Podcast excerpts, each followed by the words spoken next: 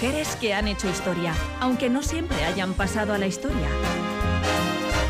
Algunas hoy célebres, otras aún por descubrir. Algunas heroínas, otras villanas, todas singulares. Es tiempo de hacer visible lo invisible. Es tiempo de vivir para contarlas. Nos adentramos hoy en la historia de la empresaria y filántropa Madame C.J. Walker, considerada la primera mujer y primera afroamericana en convertirse en millonaria en Estados Unidos por sus propios medios. Así lo acredita al menos el libro Guinness de los récords.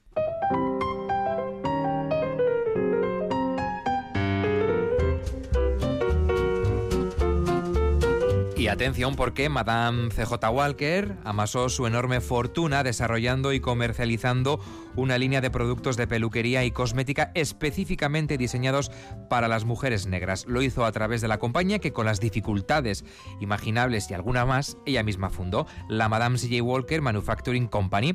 Edu Rebaz, ¿qué tal? Hola. Hola, muy bien. Además con su visión, determinación y hasta tenacidad logró romper no uno sino varios techos de cristal. Sí, dos techos de cristal muy sólido, el del machismo y el del racismo estructural del Estados Unidos de finales del siglo XIX y principios del XX y además aprovechó buena parte de su patrimonio personal para apoyar como generosa filántropa las causas por las que ella misma había luchado toda su vida. Su historia, desde luego, da para novela, película o serie de televisión y en efecto Netflix decidió convertir su fascinante e inspiradora vida en una miniserie de cuatro capítulos titulada Madame CJ Walker, una mujer hecha a sí misma, protagonizada por la maravillosa Octavia Spencer, ganadora de un premio Oscar, un Globo de Oro, un BAFTA y tres premios del Sindicato de Actores, y producida por la propia Spencer y, atención, el jugador de baloncesto LeBron James, que también decidió invertir en esta serie. Con las oportunas y quizá no siempre acertadas licencias creativas, la ficción televisiva se basa en la biografía sobre Madame CJ Walker, escrita por Alelia Vandels, tatara nieta de la próspera empresaria. Como curiosidad añadida os contaré que tras su estreno se convirtió en una de las series más vistas durante el confinamiento. Y es que en un momento de absoluta incertidumbre y palpable desesperanza, nada como sumergirse en la historia de una humilde lavandera, hija de esclavos, que consiguió levantar un verdadero imperio.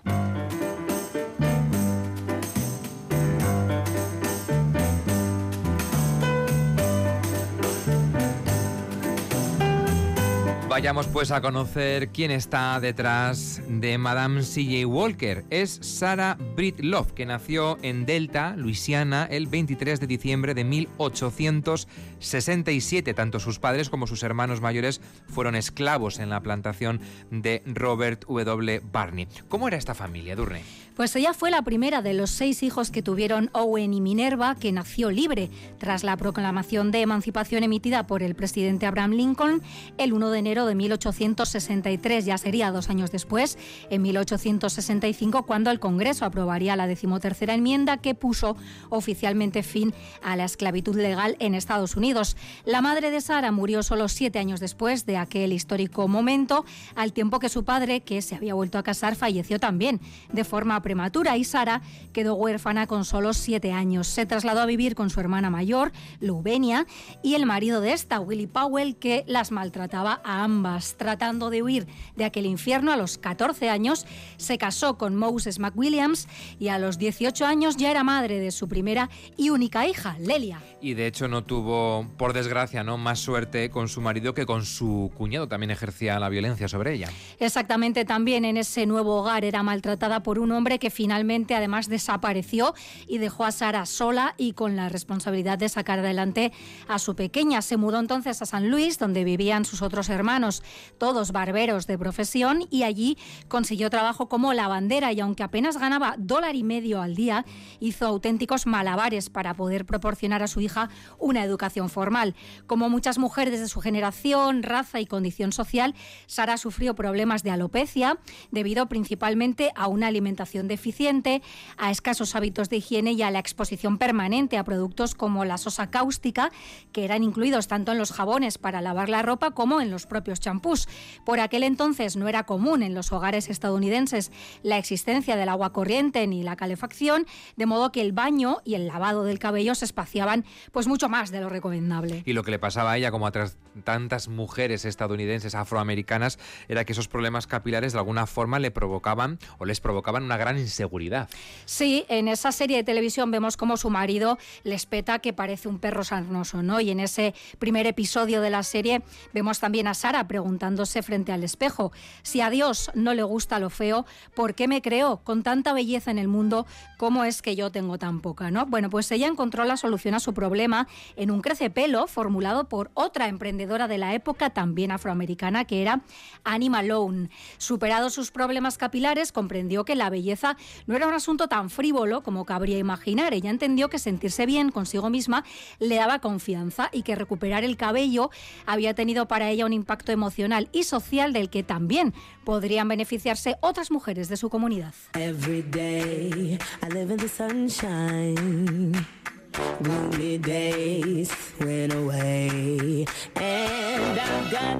Y a partir y a partir de la fórmula original de Annie Malone, pidiendo consejo a sus hermanos barberos y también utilizando la cocina de su casa como un improvisado laboratorio, Sara de alguna forma se lanza ya a la búsqueda de su propio crecepelo, su fórmula magistral. Exactamente, y esto claro provocó una rivalidad entre las dos emprendedoras que según parece fue bastante menos encarnizada de lo que recoge la serie de televisión, pero sí se considera cierto que Annie Malone amenazó siempre con llevarla a los tribunales por plagio. En la ficción televisiva, el personaje de Sara reconoce que partió de la fórmula original de Malone, que en la serie renombrada como Addie Munro, pero afirma que también ella logró mejorarla.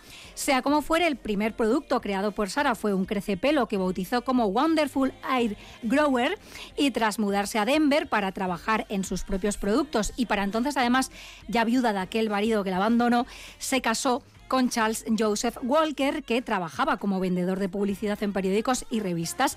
Y también en el modo de publicitar sus productos fue rompedora Sara, quien tras este segundo matrimonio ya adoptó el nombre de Madame CJ Walker. entre los éxitos que podemos apuntarle ya a Madame CJ Walker es que fue pionera en el uso de mujeres negras como modelos, ¿no? Para mostrar el antes y el después eh, de las usuarias de sus productos, ¿no? Sí, y además no solo eso, optó también por compartir su propio rostro en la imagen que acabaría imprimiéndose en las etiquetas de sus productos. Y esto suponía un cambio muy importante porque a principios del siglo XX los estándares de belleza femeninos estaban todavía muy vinculados a la mujer europea blanca, de modo que ese sector de población quedaba excluido, ¿no? Ella quiso reivindicar, ensalzar y legitimar la belleza de las mujeres negras, proporcionándoles productos específicamente diseñados para las necesidades de su piel y de su cabello, ¿no? Y gracias a esta apuesta, a la eficacia de sus productos y a su gran habilidad para las ventas, Madame CJ Walker se fue haciendo cada vez más célebre entre las mujeres de su comunidad. Muy pronto necesitó ayuda para hacer frente a la fabricación de sus productos, a la atención de las numerosas clientas que visitaban su peluquería y, por supuesto, a las labores comerciales.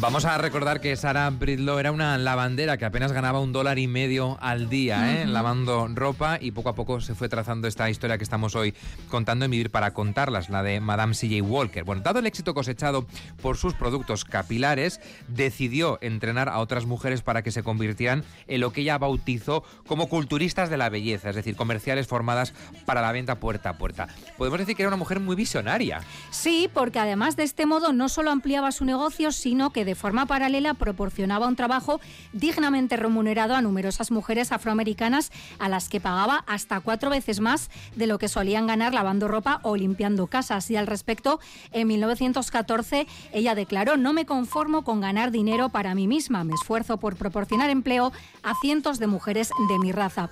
En realidad, cada una de sus clientas podía convertirse en agente de la marca a cambio de una buena comisión en la línea de estructuras empresariales posteriores que nos resultan bien familiares, ¿no? Como las de las firmas Avon o Mary Kay. En poco tiempo la compañía había formado a unas 40.000 agentes Walker y este sistema de ventas le permitía llegar cada vez a más gente y así también sus clientas pues no dejaban de multiplicarse de forma exponencial. En 1906 la emprendedora que había empezado vendiendo sus productos pues de forma individual, de puerta en puerta o a la salida de la iglesia, dejó a su hija ya a cargo de las operaciones de venta por correo y empezó a viajar junto a su marido a través de los estados del sur y el este de los Estados Unidos para expandir y promocionar su negocio con demostraciones en vivo de su método completo integrado por una pomada capilar que ella misma había fabricado, peines calientes y una forma específica de cepillar el rizado cabello de sus clientas. ¿no?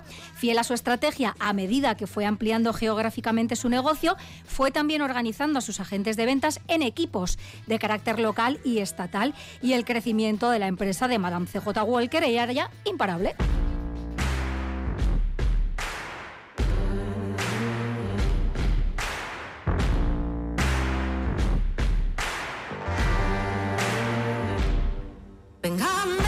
Dado el éxito que va cosechando con ese producto, en 1910 Sara se estableció con su familia en Indianápolis, donde fijó la sede central de su ya enorme y lucrativa compañía. Construyó también una fábrica que dio empleo a numerosas personas e inauguró un salón de belleza. También abrió una escuela en la que poder entrenar a sus agentes de venta. Es decir, el negocio ya se iba expandiendo de forma considerable. Totalmente y además más adelante también añadió un laboratorio de investigación destinado a la creación de nuevos productos de cosmética y peluquería que luego ya formaron una línea completa, ¿no? Era del todo inusual, por no decir impensable, que una mujer y más incluso una mujer afroamericana estuviera al frente de un negocio de tal envergadura en el Estados Unidos de principios del siglo XX. Y es que hasta 40.000 mujeres y hombres llegaron a trabajar para Madame CJ Walker, algo completamente inédito ¿no? en la época. ¿Y fue todo un camino de rosas o también hubo espinas? Bueno, pues si algo hemos aprendido ¿no? y vemos que se repite en este espacio es que siempre suele haber espinas en el camino de estas mujeres y en el caso de esta en particular, las zancadillas, pues como imaginaréis, no le fueron en absoluto ajenas en una de las convenciones empresariales organizadas por la Liga de Empresarios Negros, en las que las mujeres no participaban directamente, sino que se reunían en una sala aparte, la cocina, básicamente para preparar refrigerios allí para el descanso, pues Madame CJ Walker no solo decidió asistir como oyente a las conferencias y déjame a mí de sándwiches, sino que además tomó la palabra sin que nadie se la diera ante el asombro y la indignación de los presentes y fue reprendida por ellos, sí, pero ahí dejó su mensaje igualmente. Bueno, como ya adelantábamos, eh, Madame CJ Walker, acá eh, Sarah Bridlop, no se conformaba con que su empresa fuera exitosa y ya hemos visto cómo a sus empleadas y empleados eh, de entrada les pagaba cuatro veces más ¿no? de lo establecido. ¿no? Exactamente de lo que solían cobrar por trabajos que normalmente estaban muy mal pagados. ¿no? Pero ella, pues efectivamente quería que otras mujeres pudieran ser también económicamente independientes y para ello en sus escuelas formativas iba mucho más allá de lo concerniente al cuidado del cabello o a la forma de proporcionar Em, de promocionar y vender sus productos, ¿no? Porque eran auténticas escuelas empresariales en las que las mujeres aprendían todo lo necesario, hacer balances, presupuestos, lo que hiciera falta para poner en marcha sus propios negocios, ¿no? Como ella misma lo había hecho, aunque en su caso a ella pues le tocó hacerlo de forma forzosamente autodidacta. Soy una mujer, afirmaba, que venía de los campos de algodón del sur. Desde ahí ascendí a la tina de lavado, a la cocina y finalmente llegué por mí misma al negocio de fabricación de productos para el cabello. He construido mi propia fábrica en mi propio terreno.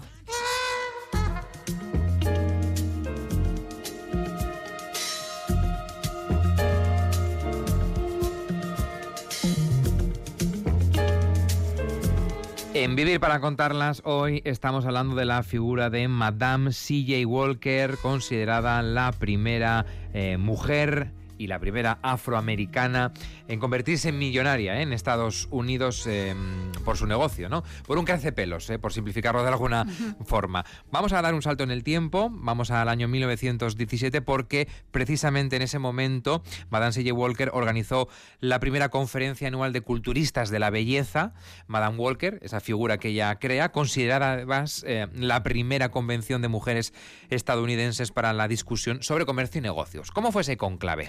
Bueno, pues además de muy pionero, como decías, también durante este evento, pues premió generosamente no solo a las mujeres que habían vendido la mayor cantidad de productos y reclutado a nuevas agentes de venta, sino también a aquellas que habían contribuido con la mayor cantidad de donaciones en sus respectivas comunidades. Y es que el compromiso político y la filantropía eran valores importantísimos para Sara. Por citar uno de los muchos ejemplos posibles, ella misma se involucró de forma personal en el comité organizador de la conocida como marcha silenciosa. El 28 de junio de 1917, cerca de 10.000 afroamericanos desfilaron por las calles de Nueva York para protestar contra la violencia racial y exigir justicia por los frecuentes linchamientos de los que era víctima la población negra. Caminaron en un absoluto e impactante silencio, solo roto por el sonido de los tambores, y fue una de las primeras manifestaciones multitudinarias en condenar el racismo sistémico que seguía impunemente enraizado en Estados Unidos.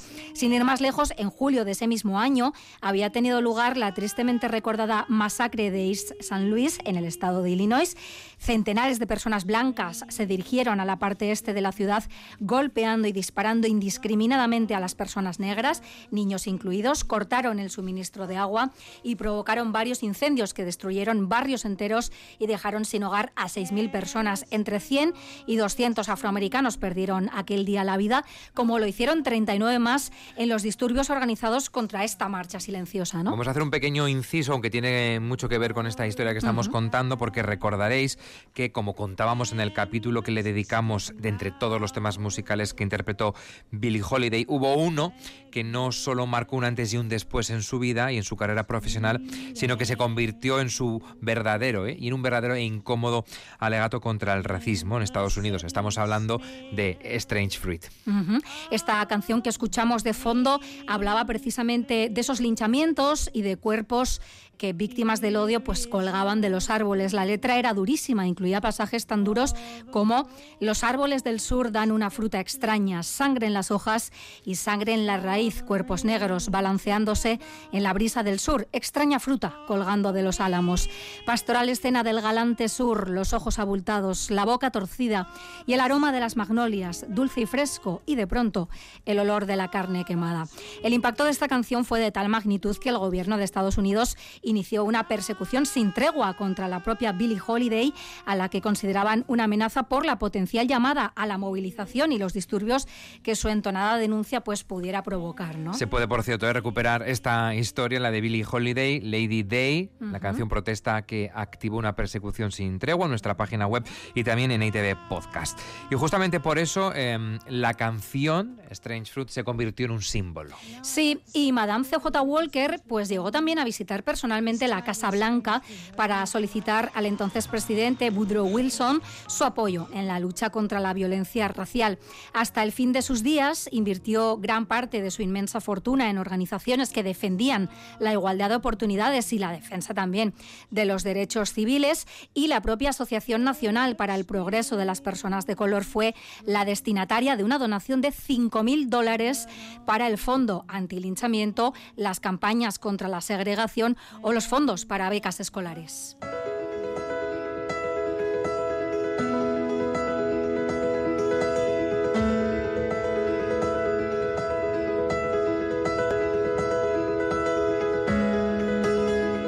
Estamos ya llegando al final de la historia de Madame C.J. Walker, pero también vamos a contar que contrató a Berter Tandy, el primer arquitecto negro certificado en el estado de Nueva York, para que diera forma a su mansión, que la bautizó como Villa Leguaro. Aquella mujer de humildes orígenes compartía ahora vecindario nada más y nada menos que con la familia Rockefeller, pero por desgracia apenas pudo disfrutar de esa amada villa con la que había soñado. Sí, porque solo un par de años después, el 25 de mayo de 1919, murió con solo 51 años debido a un infarto provocado por sus problemas de hipertensión, a los que se había sumado además un fallo renal. Cuando falleció era considerada la mujer afroamericana más rica de los Estados Unidos su compañía generaba 3 millones de dólares y daba empleo a más de 40.000 personas en todo el mundo. Y es que había logrado extender su mercado más allá de los Estados Unidos, llegando a Cuba, Jamaica, Haití, Panamá, Honduras o Costa Rica. Fiel a sus principios, en su testamento dejó establecido que dos tercios de sus futuras ganancias fueran destinados a obras de caridad, a la Asociación Nacional para el Progreso de las Personas de Color y a la conservación de su legado que se encuentra a buen recaudo en el Madame Walker Legacy Center en Indianápolis, que busca seguir inspirando, involucrando y capacitando a las personas en una comunidad culturalmente diversa. Su hija Lelia se convirtió además en la nueva presidenta de la Madame C.J. Walker Manufacturing Company. ¿Siguió el legado? Sí, sin ninguna duda, porque además de seguir con la labor como mecenas de las artes y la cultura que también su madre había iniciado, Lelia logró mantener viva la empresa por la que Sara tanto había luchado. Tal es así que en la actualidad una versión renovada de los productos siguen estando a disposición ¿no? de las clientas con cabello rizado, ondulado o tendente al encrespamiento. Y la historia de esta humilde lavandera, hija de esclavos, que levantó de la nada un gran imperio haciendo frente con coraje al racismo y al machismo, sigue inspirando a generaciones de mujeres por cuya independencia económica y autoestima personal ella apostó toda su vida. La gestión y el crecimiento de su compañía contribuyó asimismo a que los inversores empezaran a creer en los proyectos liderados por mujeres y Sara, que fue la primera de sus hermanos en nacer libre, vivió también y murió libre.